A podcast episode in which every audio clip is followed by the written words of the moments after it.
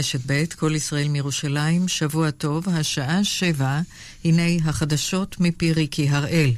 יושב ראש ישראל ביתנו אביגדור ליברמן אומר כי הוא שואף להיות שר אוצר וכי בעקבות קורונה האתגר הגדול ביותר יהיה הכלכלה. בתוכנית הכל פוליטי בכאן 11 ובכאן חדשות בדיגיטל הדגיש שיש לבטל קצבאות לאברכים וקצבאות ילדים מן הילד החמישי. יושב ראש ימינה נפתלי בנט אמר במשדר כי לעם ישראל לא טוב שנתניהו ימשיך להיות ראש ממשלה. לדבריו הגימיק כלשונו של נתניהו מול ביתו עלה חצי מיליון שקל על הדיווח שנתניהו דחף לפרסם מידע מכפיש על אביו ועל רעייתו, אמר כי מדובר בגועל נפש. יושב ראש הציונות הדתית בצלאל סמוטריץ' נשאל על תוכניתו למניעת תלונות שווא, ואם אין בה משום התייצבות לצד הפוגעים. השאלה עוררה את זעמו, והוא השיב, אני לא דופק לך חשבון, אתה צריך להתבייש. יושב ראש הרשימה המשותפת איימן עודה אמר כי ראש הממשלה הוליך את רע"מ שולל וכי נתניהו זה חוק הלאום וחוק קמיניץ. זה המסית הראשי נגדנו. יושבת ראש העבודה מרב מיכאלי סירבה לומר בתוכנית שיושב ראש יש עתיד יאיר לפיד ראוי להיות ראש ממשלה. מה שחשוב כרגע זה להחליף את נתניהו, ציינה. יושב ראש מרץ, ניצן הורוביץ, העריך כי קולות אחדים בלבד יכריעו אם מפלגתו תעבור את אחוז החסימה. מפלגות הרבה יותר גדולות מאיתנו קמו ונעלמו. מרץ ממשיכה, דברי הורוביץ. סמוך למשכן הכנסת בירושלים מפגינים כמה אלפי בני אדם ממתנגדי נתניהו.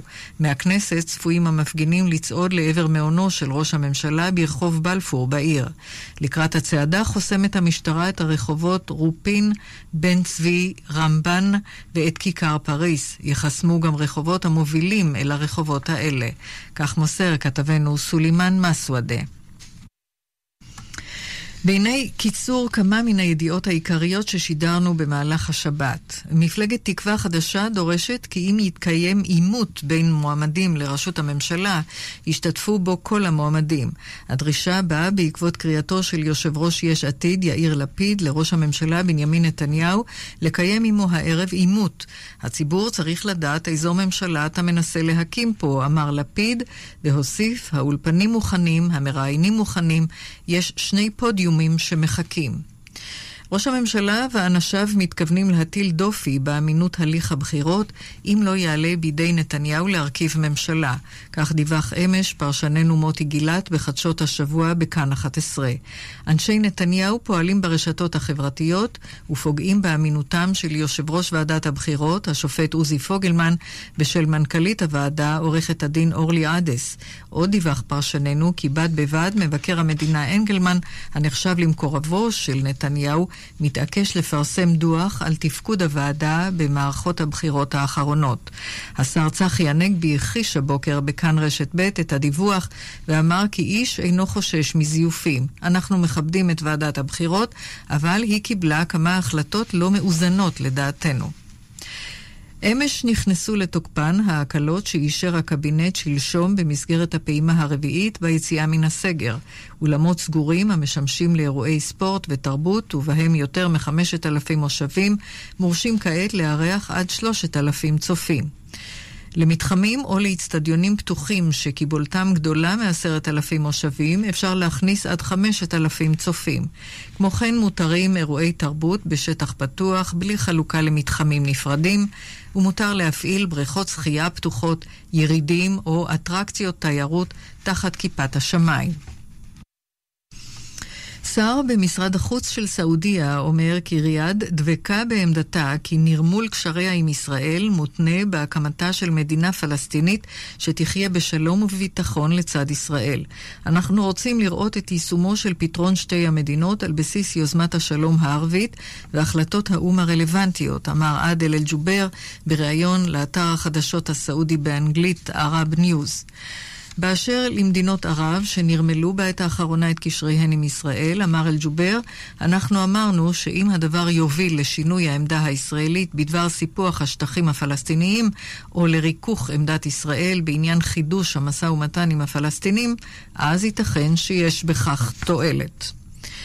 עורך החדשות, נפתלי מנשה, תחזית מזג האוויר, מחר עלייה ניכרת בטמפרטורות ויעשה חם מן הרגיל עד שרבי ברוב אזורי הארץ. עד כאן החדשות, כאן רשת ב'.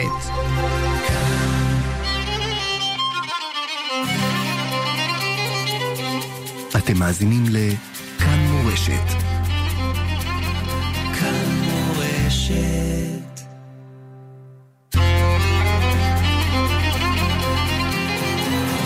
בית מדרש משודר עם הרב דוב ביגון, ראש ישיבת מכון מאיר.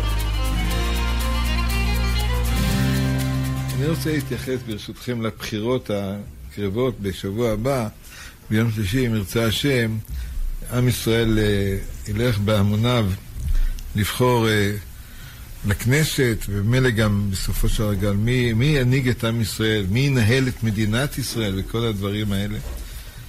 ורבים רבים יש להם אה, שאלות על הבחירות בכלל, לא, ולא רק על הבחירות, האם לבחור לא לבחור בכלל, יש כאלה שמתלבטים, מכמה סיבות. אחד אומר, אני מתלבט כי אני לא יודע במה לבחור. אחד אומר, אני, אני לא בוחר כי אני עצלן, קשה לי לקום ללכת לבחור. יש כאלה, לצערי הרב, גם אידיאול... אה, כאלה שיש להם אידיאולוגיה, אה, אצלהם אה, אסור לבחור למוסדות השלטון, כי לא מק... המדינה לא מקובלת עליהם כערך מקודש או משהו כזה, אז הם, הם מדירים את עצמם מלבחור. אז, אז זה, זה דבר אחד. זאת אומרת, לברר, ללמוד את הדבר הזה. מה החיוב, מאיפה נובע החיוב הזה שכל יהודי ויהודי, וכל אזרח ואזרח במדינה, יש לו רק את הזכות לבחור, אלא גם את החובה לבחור. אנחנו נלמד, נתבונן בדברים האלה, נראה את המקור לדבר, ובוודאי גם נתייחס לשאלה במי לבחור. למרות שאני בעיקרון אומר, אסור להגיד לאדם במה לבחור, מסיבה פשוטה. הבחירה צריכה להיות בחירה חופשית. אדם בעצמו צריך בשיקול דעת אה, לבחור את מה שנוטה ליבו, מחשבתו וכו', אבל לבוא ולהגיד לאדם, תבחר, בגלל שאני אומר לך תבחר, תבחר, בזה האדם מאבד את הבחירה החופשית שלו. הוא צריך בכל זאת אה, לשקול בעצמו ולבחור בעצמו. הערך הזה של בחירה חופשית הוא ערך מקודש. בצלם אלוקים עשה את האדם. הכוונה היא בין השאר הבחירה החופשית. האדם יש לו את היכולת והחובה והצורך להיות עצמאי, לבחור בעצמו. לא רק זוג נעליים, או ללכת לחנות ולבחור דבר כזה או אחר, אלא גם בבחירות עצמם הוא צריך להיות עצמאי. לכן, אני לא אומר לכם במי לבחור, כי זה כל אחד ואחד, אני אומר זה גם לתלמידיי, אני אומר, אל ת... אני, אני לא אגיד לכם, אתם תבחרו למי שאתם חושבים שצריך לבחור, כל אחד לפי מדרגתו. אבל יחד עם זה, אני יכול לומר אה, אה, את קשת הדעות שקיימות בחברה הישראלית, מימין ועד שמאל, כל קשת הדעות, כל אחד לפי נטיית ליבו יבחר לאן שהוא רוצה.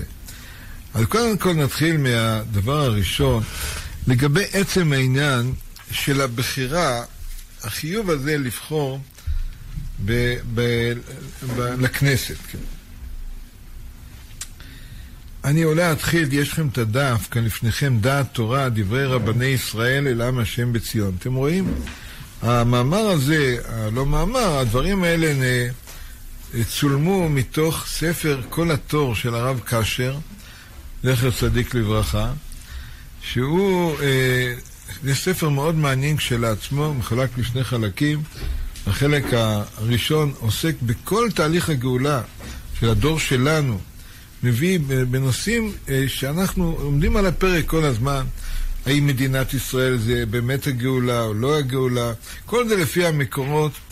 והחלק השני הוא מביא דברי הספר כל התור, ספרו של תלמידי הגאון מווילנה, שהם התייחסו לדור שלנו ומתארים את כל תהליך הגאולה שאנחנו נמצאים בו בצורה מאוד מופלאה, איך הם מתארים את כל המשברים ואת כל הקשיים, כל הבעיות, וגם לאן אנחנו הולכים, מאיפה אנחנו באים ולאן אנחנו הולכים. זאת, באותו ספר, כל התור, מופיע לקראת הפרקים האחרונים, שעוסק בגאולת ישראל, החיוב לבחור לכנסת.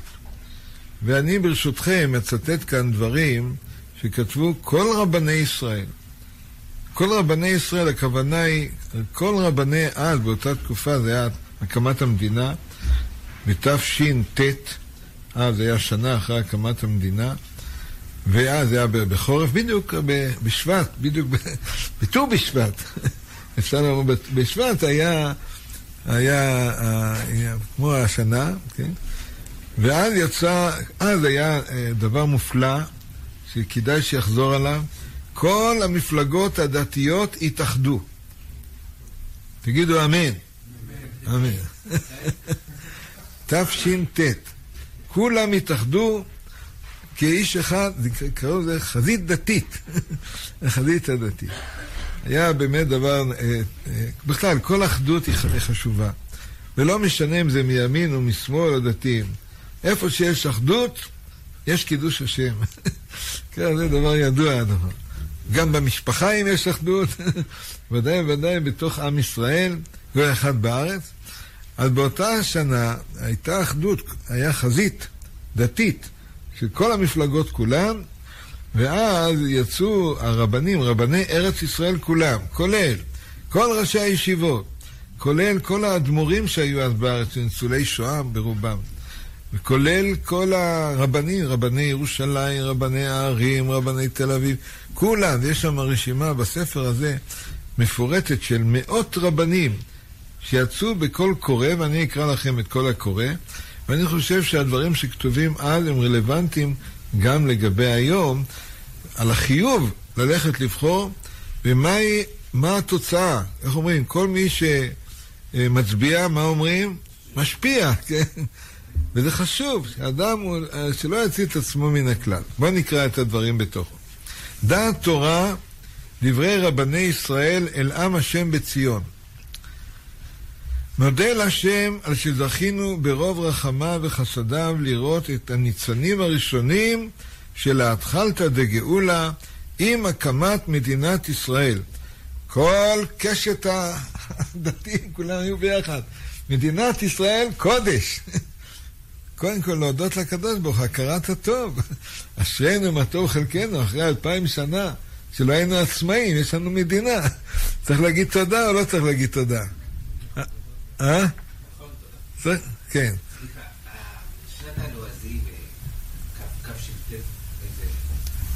תש"ט. אה, בתש"ח. תש"ח זה הקמת המדינה. אה, זה כן, זה... למניינם, סליחה שאני, בשבילך, בשביל 48 זה היה 49. זה היה הזמן. לפני 60 וכמה שנים, זה היה הדבר הזה. ומה שהיה יהיה בעזרת השם, כולם יתאחדו. אם לא בבחירות האלה, בבחירות הבאות. כל הדתיים. אני גם אסביר מדוע זה יהיה. תכף נראה את הדברים. נודה, נודה להשם על שזכינו ברוב רחמיו וחסדיו לראות את הניצנים הראשונים של התחלתא דגאולה עם הקמתה של מדינת ישראל. מאת השם הייתה זאת להראות לנו כי הגיעה שעת רצון המחייבת אותנו לבוא לעזרת השם בגיבורים, כדי שארצנו ומדינתנו תיבנה ותיכונן על טהרת הקודש. כל הרבנים, בלי יוצא מן הכלל, הוציאו קול קורא. בואו נשפיע במדינה הזאת, שהמדינה הזאת תהיה מושפעת מהיהדות. תורת ישראל, חוקותיה ומשפטיה שניתנו לנו בסיני, הם שעמדו לנו בגלותנו, והם שיעמדו לנו לקיים את מדינתנו והתמדתה. ומחובתנו על כן לשמור עליהם ביתר שאת בהליכות חיינו בארצנו הקדושה. החזית הדתית המאוחדת, כאמור זה היו ארבע מפלגות דתיות שהתאחדו כולם כאיש אחד לבחירות. דרך אגב, האות הייתה אות ב', זה היה אות הב' של כל המפלגות, אה, זה אות ב'. שהוקמה בית לבית, בית, נכון? בית, בית. אני לא רוצה כאן אה, לרמוז על משהו, אבל ככה זה היה, בית, בית. כן. בית בית, זה היה, זה היה האות, כן. החזית הדתית המאוחדת שהוקמה על ידי המפלגות הדתיות היא מצוות עשה שהזמן גרמה, שבתוכה ומסביבה מצווים להתלכד ולהתאחד כל בני ישראל המאמינים בתורת השם והולכים בדרכיה, למען נוכל להשפיע מרוח התורה ומצוותיה בתוך האספה המכוננת, מה שנקרא היום הכנסת, כן? אז נקרא האספה המכוננת, שתקבע את אור חיינו לעתיד, להגביר בה את אור התורה והקדושה וכולי. והנני פונים בזה לכל הנאמנים לדבר השם ותורתו. אל יימצאו בתוכנו לא פורשים ומתבדלים ולא מחרפים ועומדים מן הצד. אל נמצא בתוכנו נותנים יד למתבדלים ולפורשים. כנראה שכבר אז נשמעו קולות שאמרו אסור להצביע לכנסת בגלל האידיאולוגיה הזאת שלא מקבלים את מדינת ישראל כערך מקודש. כל רבני ישראל יצאו כנגד המגמה הזאת. כולנו יחד נעשה למען נבטיח שכל איש מישראל ייתן ידו לחזית הדתית המאוחדת. וכולי, כאן, וכאן חתומים בהתח... בראש הרשימה של המאות רבנים, הרב יצחק אייזק הלוי הרצוג, זכר צדיק לברכה, הרב אשכנזי, הרב הראשי, הרב בן ציון מאיר חי עוזיאל, זכר צדיק לברכה, הם היו אז הרבנים הראשיים, והם חתומים על הדבר הזה. קודם כל רואים שהייתה הסכמה מקיר לקיר של כל רבני ישראל, שמדינת ישראל היא ראשית צמיחת גאולתנו, ואנחנו צריכים להיות שותפים, חלק מה, מההוויה הישראלית, לקחת אחריות, להצביע ולהשפיע כאן במדינת ישראל, שיהיה לה צביון יהודי למדינת ישראל. מישהו בעד זה כאן בין התלמידים? שיהיה צביון יהודי למדינה? חוץ ממך אף אחד. מי עוד? אם יעשה כאן הצבעה, יש רוב, אני רואה לה... בסדר. תכף אנחנו נראה שהרוב הזה זה לא רק בכיתה כאן, אלא הרוב הזה הוא כאן ברוב, העם, ישראל. מבינים היום, בדור שלנו רואים את זה ממש, שבלי צביון יהודי למדינת ישראל, מדינת ישראל בלי היהדות זה כמו גוף בלי נשמה, נאמר ככה. סליחה שאני קצת מחדד את הדבר הזה. היהדות, המסורת, התורה, זה הנשמה של העם היהודי. לא רק שזה קיים אותנו בגלות, ודאי וודאי זה מקיים אותנו ויקיים אותנו לעתיד לבוא מבחינה, מכל הבחינות. תכף נראה את המאמר של הרב קוק בזה. באותו זמן, אני רוצה להקריא לכם מכתב מאוד מעניין, מאמר מאוד מעניין, שפנו אל הרבה מבלז.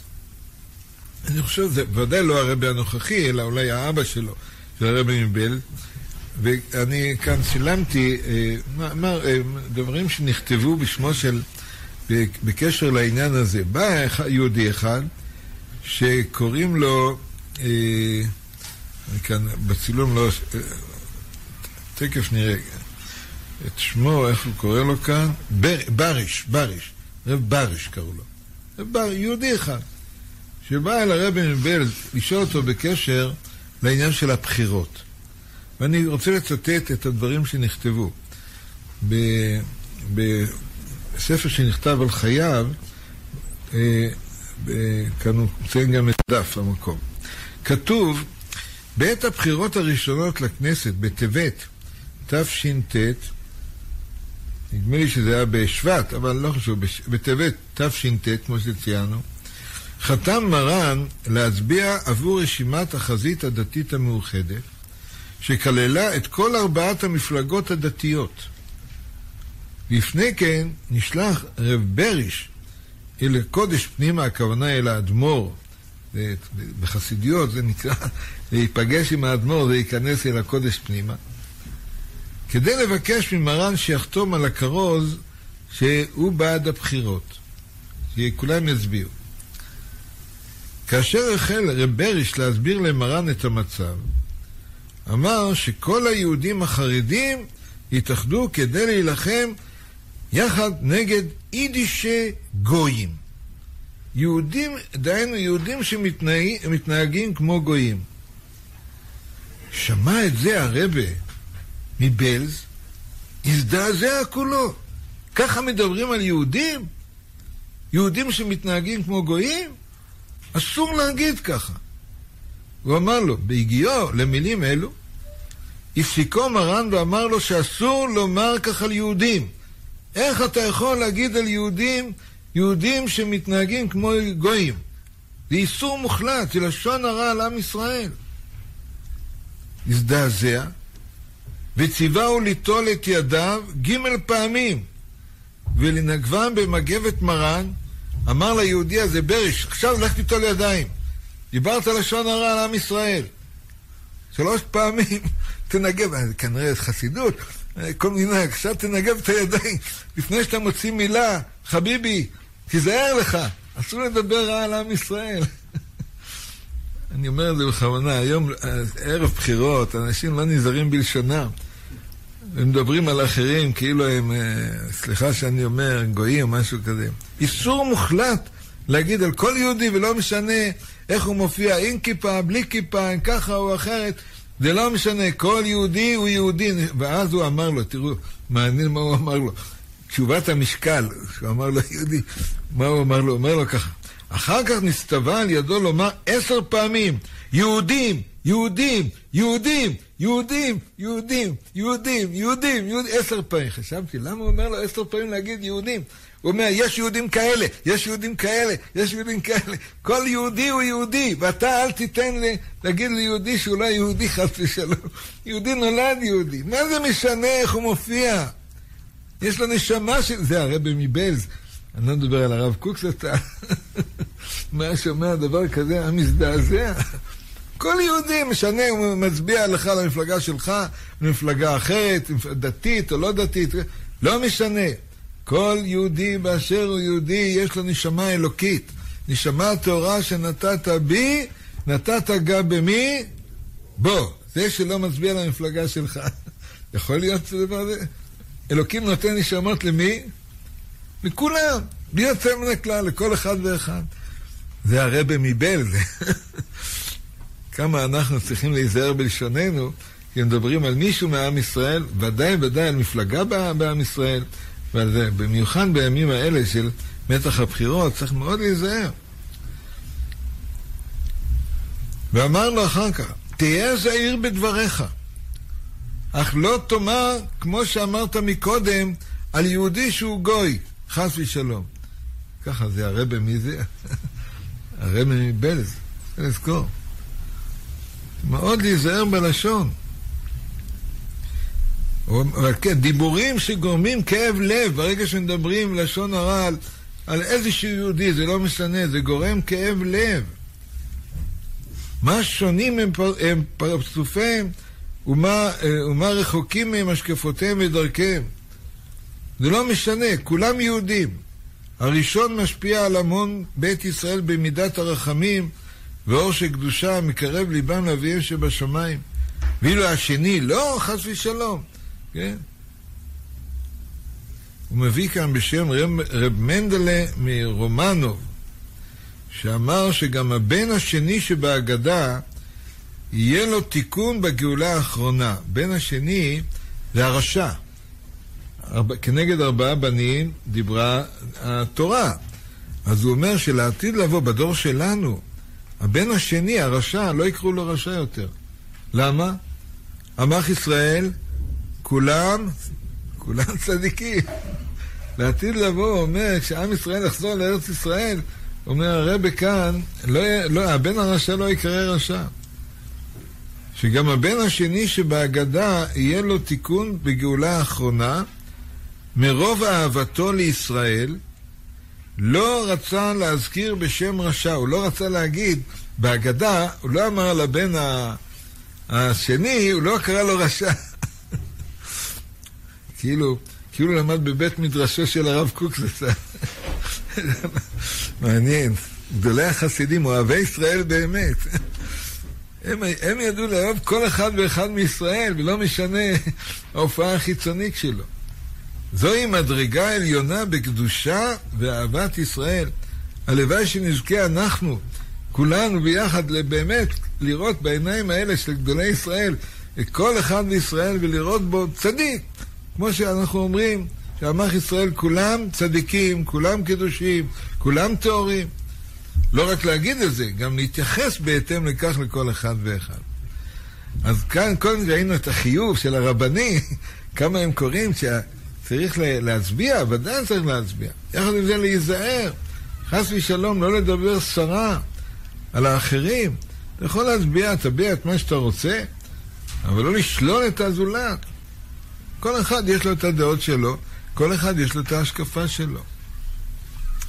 ברשותכם, אני רוצה לדבר על העניין של החיוב בעוד היבט של העניין. יש מצווה, ב... מצווה נקראת מצוות מחצית השקל. מצוות מחצית השקל זה מצווה מיוחדת במינה, שכל עם ישראל היה תורם מחצית השקל, ומה היו עושים מחצית השקל? היו, פעמיים היה מחצית השקל. פעם היה כשהקימו את המשכן, אז לקחו מחצית השקל ועשו מזה את האדנים. האדנים הם היסודות שהיו עשויים מכסף, שעליהם היו תקועים הקרשים של המשכן. בלי, בלי האדנים אין משכן, נאמר. זה הבסיס ל, ל, למשכן זה היה האדנים. האדנים היו מאה אדנים, והם היו, האדנים האלה עשויים ממחצית השקל של כל עם ישראל, בלי יוצא מן הכלל, כל השבטים. כולם היה להם שם בבסיס של המשכן. ככה זה היה. אני נזכר בסיפור על uh, חפץ חיים, זכר צדיק לברכה, שמעתי בשעתו, שפעם בא, הוא היה, היה ראש ישיבה גם, הוא היה הולך ומכתת רגליו לאסוף תרומות לישיבה, לקיים את הישיבה. יום אחד בא איזה גביר גדול לחפץ חיים ואמר, אני מבקש ממך, אתה גדול ישראל, גדול הדור,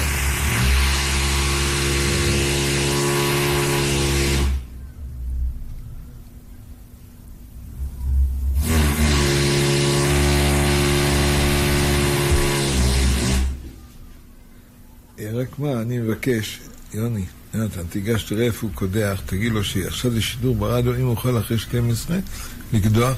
הוא עושה כאן, אה, חור, בונה את ירושלים אמנם, אבל זה מפריע לנו לשידור. תגיד לו שאני ביקשתי, אם יכול להמתין עוד איזה 20 דקות, בסדר? יש שידור ברדיו, תגיד. סליחה שאנחנו... הוא עושה לנו, אתם יודעים שאנחנו... אה, אה, השבוע עלה לאוויר ערוץ, ערוץ מאיר בטלוויזיה, כן? אני מוכרח לומר, אני מזמין את כל, ה... כל, ה... כל המאזינים לצפות בערוץ הזה, שמספרו בחברת הוט, יש חברה כזאת נקראת הוט, בכבלים, והמספר שלו 220, ואני מבטיח לכל מי שיהיה שם, שיהיה לו מכון מאיר בבית. אנחנו מעבירים את כל השיעורים וכל התוכניות לילדים, למבוגרים, גם בשפות, באנגלית, צרפתית, רוסית, ספרדית אפילו. הכל יהיה אפשר לראות את זה בבית, במי שיש לו את ערוץ הכבלים. אז הקולות האלה ששמעתם כאן, הוא מתקין לנו כאן את חברת אות, את הדברים האלה. אבל אני מבקש ממנו סליחה שיתעכב קצת בדברים. סליחה שאני כאן אה, אמרתי. אבל באמת, אה, אולי זה במאמר מוסגר, אני רוצה להסביר את העניין. מה, מה למכון מאיר ולערוץ טלוויזיה? מה? אנחנו עוסקים, עוסקים בתורה, לומדים תורה וכל הדברים האלה. אבל צריך להבין שהקדוש ברוך הוא, שהוא מסדר את העולם וכולי, עשה גם מכשיר כזה שקוראים לו טלוויזיה. והמכשיר הזה, יש בו מעלות ויש בו חסרונות. מה המעלות ומה החסרונות? המעלות שאתה יכול להופיע בכל בית, שיש בה מכשיר כזה, אתה יכול להופיע אצלהם בבית ולדבר עם האנשים, להשפיע על האנשים. מה החסרונות של הדבר הזה? לצערי הרב, עדיין בתוך הטלוויזיה הזאת יש uh, דברים, uh, איך אומרים, אוכל לא כל כך בריא לנשמה, כל מיני דברים שיכולים חס ושלום להשפיע על לא טוב, על הצופים או דברים כאלה. והחלום שלנו להשפיע על כל עם ישראל לטובה, להביא אור לבית. מכון מאיר כשמו כן הוא, להביא אור לבית. את זה למדתי מאדיר זיק, זכר צדיק לברכה. שהוא בשעתו עבד בטלוויזיה הישראלית לפני 45 שנה. היינו שכנים, פעם שוחחנו, שאלתי אותו, אדיר, מה לך ולטלוויזיה? אז הוא אמר לי, תראה, טלוויזיה זה כמו סכין. אתה בסכין יכול לשחוט כשר. אתה יכול גם לרצוח, חס ושלום. אני החלטתי להיכנס לטלוויזיה בשביל שיהיה שם תוכניות כשרות, יש שם דברים טובים.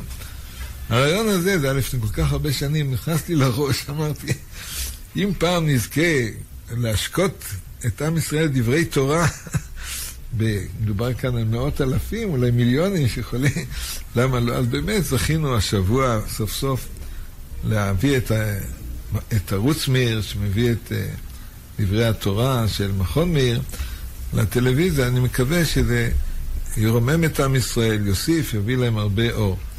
אז אה, כאמור, המספר הוא 220, לא לשכוח. זה זמני, עוד מעט יהיה המספר הקבוע, אבל 220, וכמו שאמרו לי, לנו משפחות שכבר ראו את הדבר, אמרו, צפינו בזה, זה היה מרתק, מחכים ומרומם, והאיר לנו את הנשמה. זה מאמר מוסגר, סליחה שנכנסתי בגלל הרעשים האלה. כן. אה, נחזור לעניין שלנו. אם כן, אה, כתוב לגבי מחצית השקל. אז החפץ חיים, התחלתי בסיפור עם החפץ חיים, בא אליו גביר אחד ואמר לו, כבוד הרב, במקום שאתה תכתת את רגלך לאסוף תרומות לבית המדרש שלך, אני, הגביר, אני אממן לך את כל בית המדרש, ואמנה לך בית חדש, והכל והכל.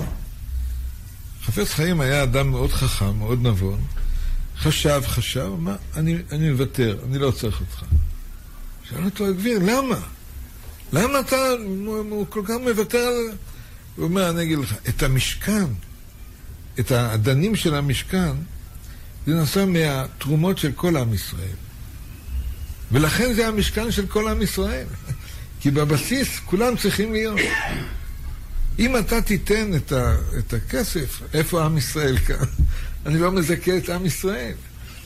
בית מדרש צריך להיות של כל עם ישראל. וויתר על התרומה הגדולה. אותו דבר גם כאן, אני רוצה לומר. מחצית השקל היה קודם כל הבסיס של המשכן. שם כל עם ישראל שותף. כאיש אחד בלב אחד. כולם תרמו, תכף נראה מה כתוב. היה עוד מחצית שקל, שהיו בכל הדורות תורמים, מזה היו קונים את קורבנות הציבור. קורבן ציבור היו מעלים, קורבן עולה נאמר, היו מעלים על המזבח והוא מייצג את כל העם היהודי מקצה ועד קצה. למה? כי ממחצית השקל, מהקופה המרכזית הזאת, קנו את הקורבנות. אז כולם היו מיוצגים שם. זה כמו שאדם משלם מס הכנסה, הופ, קופה ציבורית. חלוקה כבר דבר משני, אבל העובדה שאתה משלם מס הכנסה, אתה חלק מההוויה של מדינת ישראל, כלל ישראל וכו'. כמשל.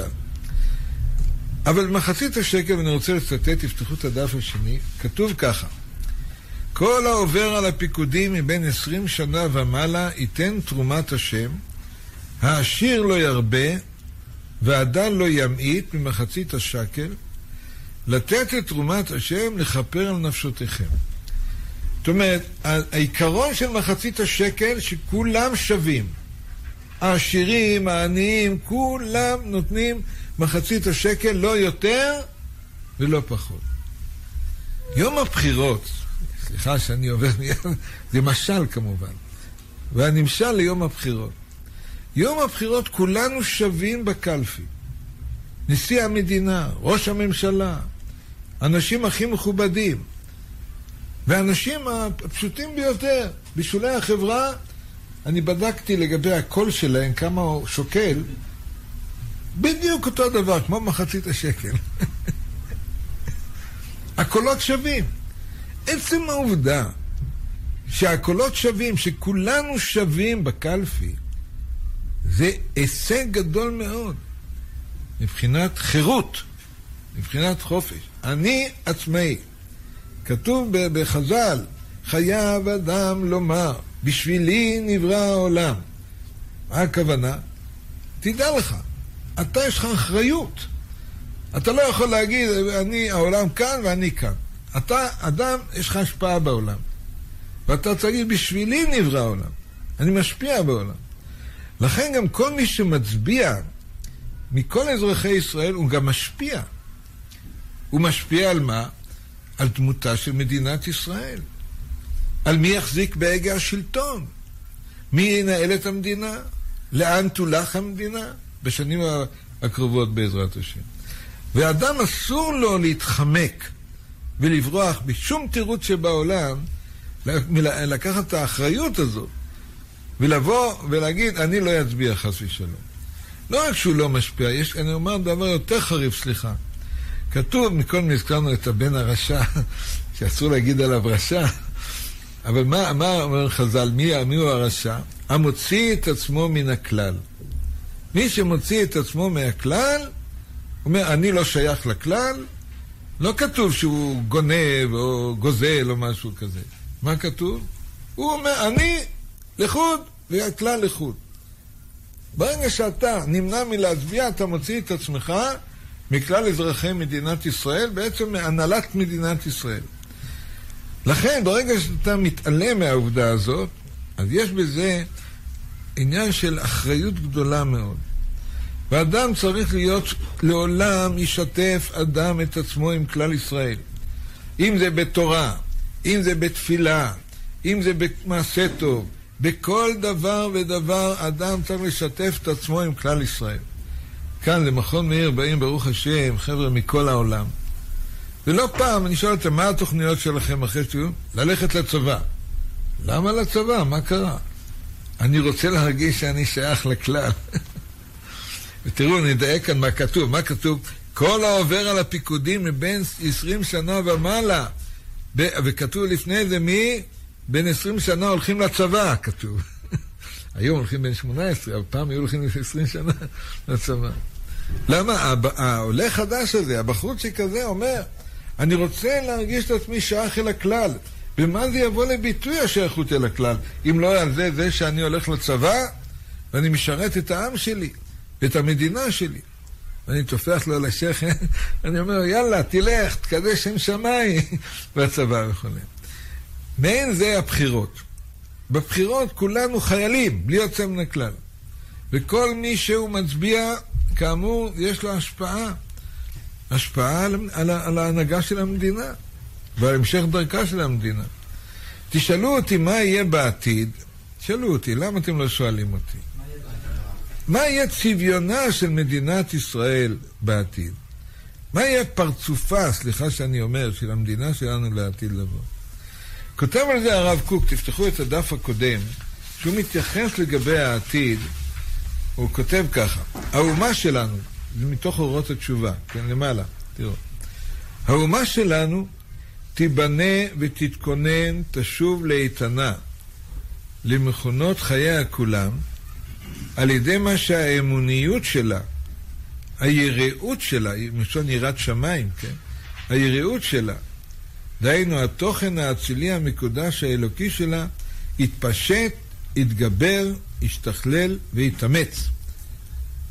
ואומר כאן הרב ברוח קודשו ממש, כל בוני האומה יבואו לעומק האמת של נקודה זו, שמה? שבלי יהדות מדינת ישראל זה כמו אמרנו מקודם, גוף בלי נשמה. זה יגיע הזמן, הוא אומר. והיום כבר אנחנו מרגישים את זה באוויר כאן. אני אמרתי את זה כמילתא דבדיחותא אמנם, אבל האמת היא שכמעט כל מפלגה, גם שהיא לא דתית, היא דואגת להביא איזה רב עם מישהו עם כיפה על יד שמה. תראו, הנה, יש לנו, גם, גם, יש לנו אדם דתי גם על ידינו. בסדר גמור. הם מתכבדים בזה. אנחנו אנשים מסורתיים, למרות שדעותינו הם כאלה וכאלה וכאלה. אנחנו אנשים מסורתיים. ואני גם מבין אותם. האנשים האלה שרוצים uh, להיכנס לכנסת, לשלטון או משהו כזה, הם שמים את היד, הדופק על העם. העם מכבד היום את המסורת. בשבילו מסורת זה דבר חיובי, זה לא דבר שלילי, חס ושלום. אז לכן, מה שאומר כאן הרב, שלעתיד לבוא כל בוני האומה, מי זה בוני האומה? המחנכים, הפוליטיקאים, המנהיגים, כל האנשים שהם לוקחים אחריות ציבורית, נאמר, או חינוכית על עם ישראל, יגיעו למחשבה פשוטה. אנחנו עץ, ובלי שורשים, עץ בלי שורשים, מה יקרה איתו בסוף? מתייבש, באמת, חס ושלום. ויש כלל גדול בתורה, הענפים תמיד מתחברים לשורשים. למרות שאת השורשים לא רואים, הם מתחת לאדמה. כולנו בלי יוצא מן הכלל, כל עם ישראל, לזרמיו ולמפלגותיו, כולנו מחוברים לשורשים שלנו, לעבר שלנו, לאבות שלנו, למסורת שלנו, לתנ"ך שלנו. אנחנו מחוברים. אפילו שאתה מתכחש לדבר הזה, בסופו של דבר אתה שייך לזה. לא פעם בשיחות שיש לי עם חברים וידידים ש... או שהתרחקו מהמסורת, או שבכלל לא קיבלו חינוך, לא פעם מתגאים על הסבא וה... והסבא רבא וכל זה, הוא, הוא היה בן תורה, היה רב, היה מקובל, היה פה, היה שם, אנחנו כולם מחוברים, נרצה או לא נרצה. אבל אב אחד לכולנו. אני בדקתי, לכולנו יש אבא אחד. מי זה האבא של כולנו? מי? הקדוש ברוך הוא, אבינו ומלכנו. אבל יש גם אבא בארץ, זה בשמיים, אבינו שבשמיים. אברהם אבינו. יש כאן החבר'ה דוברי ספרד, יש להם, דוברי ספרדית, יש להם שיר על אברהם אבינו, שהם שרים, אני כל כך מבסוט. אברהם, יצחק ויעקב הוא אבא של כולנו. תגיד לי, גם המפלגה ההיא זה אבא שלהם? אני בדקתי, כן. הוא אבא של מי? של כל עם ישראל. אברהם, יצחק ויעקב, האימהות של כולנו, בלי יוצא מן הכלל. אתה יכול להגיד כן, אתה יכול להגיד זה לא ישנה, זאת עובדה היסטורית. שורש אחד לכולנו. אנחנו עץ עם ענפים רבים, אבל תמיד בעץ, תדעו, הגזע הוא מאחד. הענפים נראים מפוצלים, אבל המאחד הוא הרבה יותר מאשר ההתפצלות. גם היום, למרות שאנחנו נראים כאילו צבעים שונים, זרמים שונים וכל זה, אבל בסך הכל יש דבר שמאחד את כל עם ישראל. המאחד הזה, דרך אגב, זה השורש, או הגזע. ואת השורש כאמור לא רואים, כי השורש זה, זה דבר פנימי יותר, עמוק יותר. וכל אדם שמכבד את עצמו צריך לברר לעצמו מהם השורשים שלו. לא רק מבחינה משפחתית, מי היה אבא שלי והסבא שלי והסבא של הסבא וכל הדברים האלה, בשביל להרגיש שהוא שייך, שייך למשהו, שייך לאבותיו, שייך לעמו, שייך לארצו. והתהליך הזה הולך ומתחולל לנגד עינינו היום בחברה הישראלית. זה מה שהרב כותב, נקרא את זה בהמשך. כל בוני האומה יבואו לעומק האמת של נקודה זו, ואז בקול מלא גבורה ועוז יכריזו על עצמם ועל עמם בקול גדול, לכו ונשובה אל השם. זה יהיה, הייתי אומר, הדבר הכי חזק בעם ישראל לעתיד לבוא, זה הצורך האמיתי, הפנימי, לכל יהודי ויהודי לשוב אל השם. לשוב אל השם ולשוב אל עצמנו. זה נקרא לשוב אל השם. לשוב אל השם ולצ... אנחנו עם היהודי. העם היהודי יש לו דבר מייחד אותו. מה מייחד את העם היהודי? מה מייחד את העם היהודי? נו, כבר למדנו את זה הרבה פעמים. נשמה טובה. נשמה טובה, אלוקים, כאשר הטביע נשמה טהורה נתן בנו. ויפח באפם נשמת חיים, ככה נאמר על האדם הראשון, ואתם קרואים אדם. ואנחנו הולכים ושבים לא רק לארצנו, אלא גם שבים אל הממד המוסרי, הערכי, הרוחני, הנשמתי שלנו. ועל זה אומר הרב, הוא לא אומר את זה באקראי, אלא מתוך אמונה ודאית, שתקומת עם ישראל היא בנויה בשני שלבים. השלב הראשון, קיבוץ גלויות, שאנחנו נמצאים בעיצומו של קיבוץ גלויות. או בניין הבית היהודי, ואל תתפסו אותי לפני הבחירות בלשון, אבל הבית הלאומי, נאמר. הבית הלאומי היום זה מדינת ישראל, זה האמת. אבל בית זה לא מספיק קירות, לא מספיק רצפה, לא מספיק כל הדברים שמסביב. צריך גם נשמה בתוך הבית, צריך גם רוח. יותר מזה, אנחנו כאומה, אנחנו צריכים גם מטרה. מדינה צריכה גם מטרה. לא, זה לא מספיק, אני נוהג לומר. לפעמים שואל את האדם, מה מטרתך? בשביל מה, מה, בשביל מה אתה חי? אז הוא אומר, בשביל לנגן, לנגב אה, פיתה בחומוס, ב... בשביל זה אתה חי, גם בהמה רוצה לאכול, ותו לא. כן? אנחנו חיים למטרה הרבה יותר אצילית, הרבה יותר רוחנית. העם היהודי, שהוא חי אלפי שנים, המטרה שלו, היא כבר נאמרה לאברהם אבינו, ויהיה ברכה, ונברכו בך כל משפחות האדמה. דהיינו, לקדש שם שמיים, להיות דוגמה מוסרית וערכית לכל האנושות כולה, לכל העולם כולו. בשביל זה נולדנו. עם זו יצרתי לי, תהילתי יספר, כך היה נוהג לומר הרב סיודה, זכר צדיק, הוא היה מצטט את זה. זה יצירה, העם היהודי זה יצירה מיוחדת בא לספר תהילת השם בעולם, לא על ידי דיבורים, כמו על ידי דוגמה אישית. בהליכות בין אדם לחברו, במוסר, בהתנהגות בין אדם למקום, בין אדם לחברו. ואנחנו בתהליך מואץ של גילוי הדבר הזה. הקומה הראשונה זה הבית היהודי או הבית הלאומי שלנו. אבל לאט לאט מסתבר שזה לא מספיק. מה צריך עוד? תוכן, משמעות. כמו שאני אומר לפעמים לזוגות צעירים שבאים כאן לקבל ברכה לפני החתונה, אני שואל אותם שאלות פשוטות, אתם הולכים להקים בית, מה יהיה בתוך הבית? אל תספרו לי על הפריזידר ועל התנור, זה פשיטה שזה יהיה בבית, שולחן וכיסאות ודברים. מה יהיה התוכן של הבית? לא רק מה האווירה ביניכם, בין הזוגות, שיהיה להם אהבה בתוכם, ויפרגנו אחד לשני, ויחזקו אחד את השני, אלא מה, מה הילדים יקבלו כאן, מה התוכן, מה המשמעות של כל הבית הזה, הפרטי שאתם הולכים. אותו דבר מדינה, זה אותו דבר. ואנחנו בתהליך של התבגרות מבחינה לאומית, של חיפוש מהם התכנים, ואין ספק שהתכנים נמצאים כבר בשורשים. בשורשים שלנו, לא צריכים להתבייש במסורת שלנו, בתורה שלנו, אדרבה. זה לעיני כל העולם, מעריצים אותנו בגלל הערכים שהשם זיכה אותנו, אשר בחר בנו מכל העמים ונתן למי? למי הוא נתן? לנו, את תורתו, נתן לנו את תורתו. אבל לא רק בשביל עצמנו, אלא גם בשביל אומות העולם. דרכנו, המסר הזה, המוסרי והערכי, התרבותי הזה, עובר לכל העמים. זה מה שאומר כאן הרב. התשובה, תשובת אמת תהיה. הוא כותב לפני מאה שנה. והתשובה, מכון גבורה תהיה. והתשובה תיתן עוז ותעצומות לכל הסעיפים המעשיים והרוחניים. לכל ההליכות כולן הדרושות לבניין האומה, לשכלולה, להקיצתה לתחייה, להתעודדות עמדתה, העיניים תיפקחנה, הנשמה תזך, אורה יבריק, מעופה יתגדל, ועם נברא יקום, עם גדול, עצום ורב, אור אלוקים עליו וגדולת לאום לו, כלביא יקום וכארי יתנשא, במהרה בימינו, אמן. ועכשיו תשאלו אותי עוד שאלה, במי להצביע? לא אגיד לכם. אבל מה כן, אני מוכרח להגיד, יש עניין שחז"ל מלמדים אותנו, וכדאי באמת לשים לב לדבר הזה.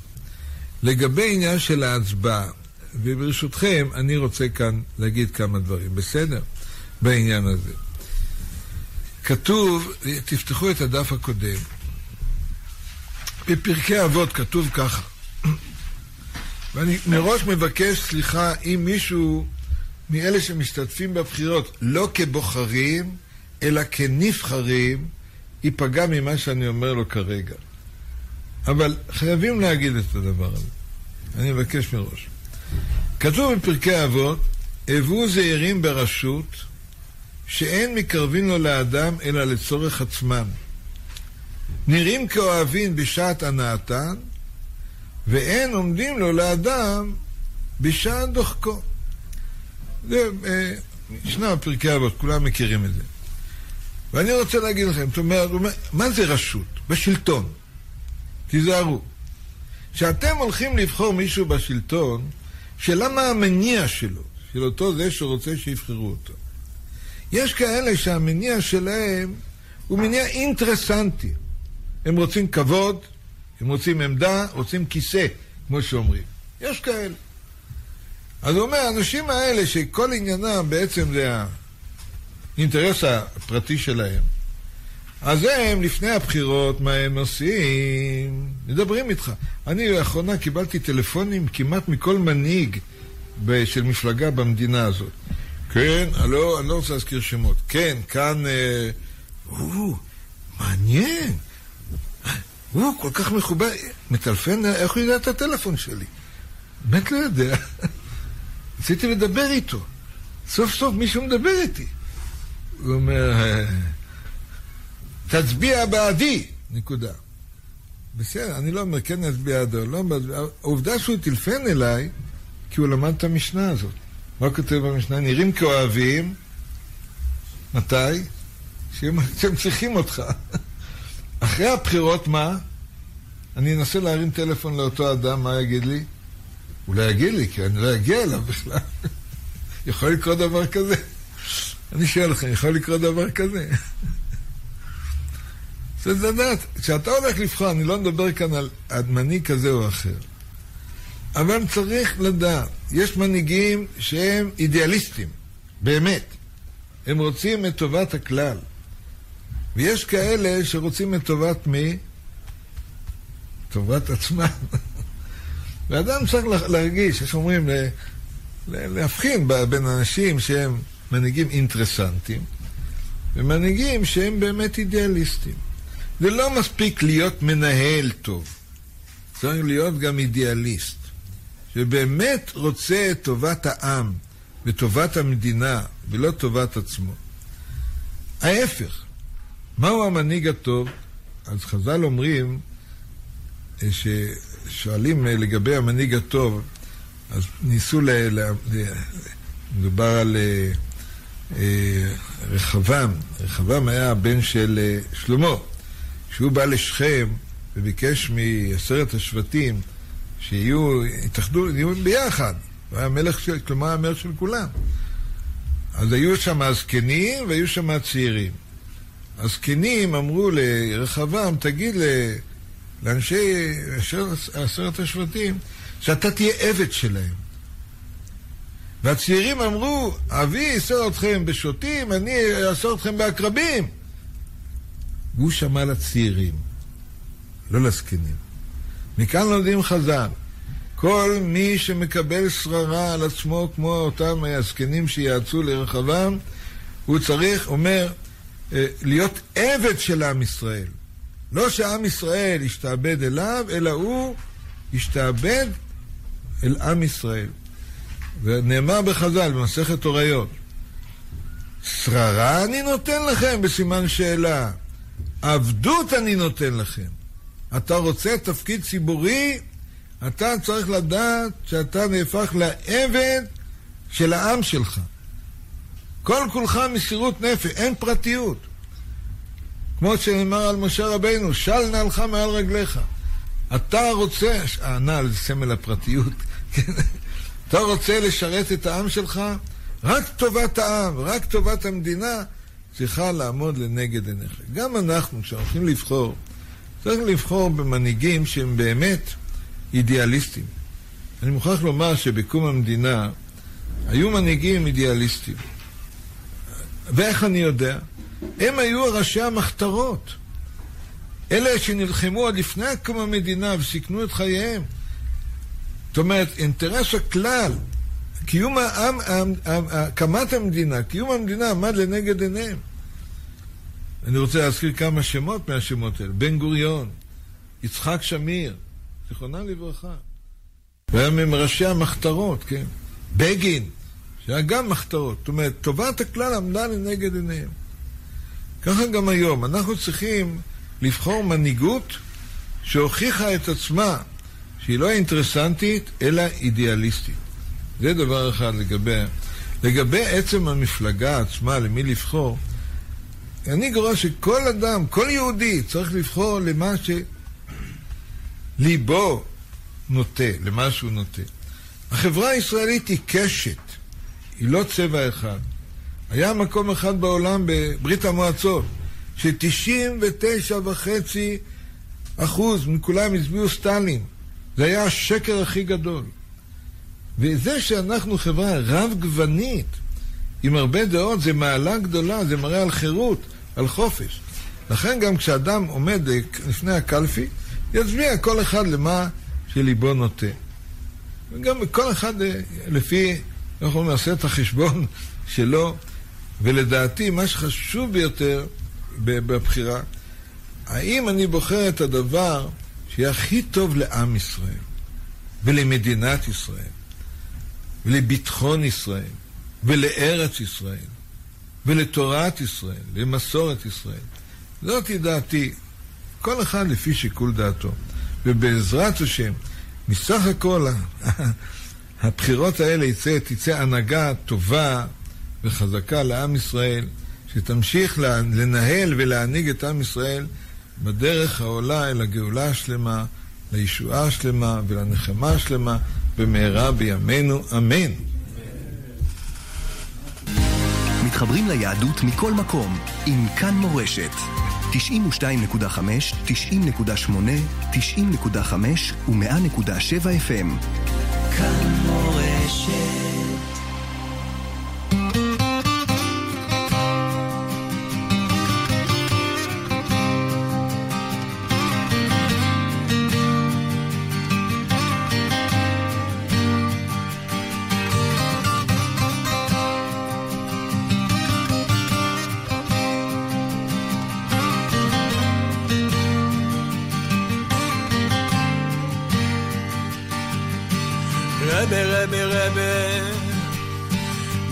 sich mir kasche sein zu dir Rebbe, Rebbe, Rebbe Wir willen sich mir kasche sein zu dir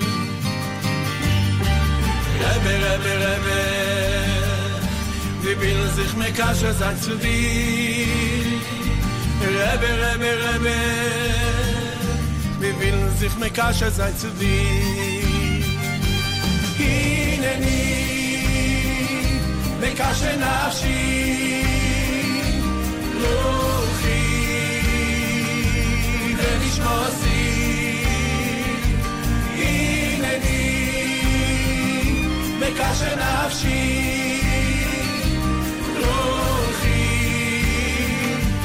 ונשמוסי ונשמע סדוני מוי לי ורבי שהאור הצדיקים לאור הקדושים ואם שהאור הציטרוניוס ואימוי הקדושוס רבי רבי רבי wie will es sich mir kasche sein zu dir Rebbe, Rebbe, Rebbe הדרך מקש הצדצודי רבה רבה רבה בפיל זיך מקש הצדצודי רבה רבה רבה בפיל זיך מקש הצדצודי רבה רבה בפיל זיך מקש הצדצודי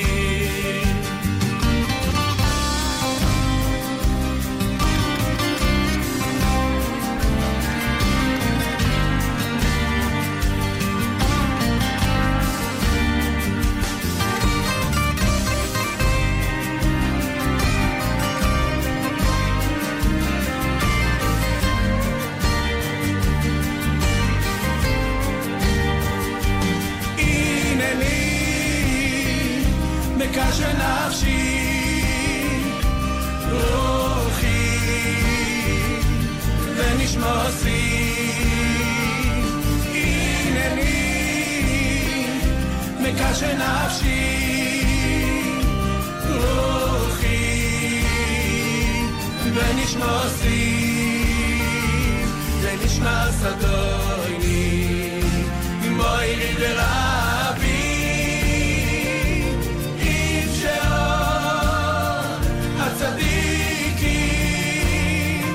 Savior.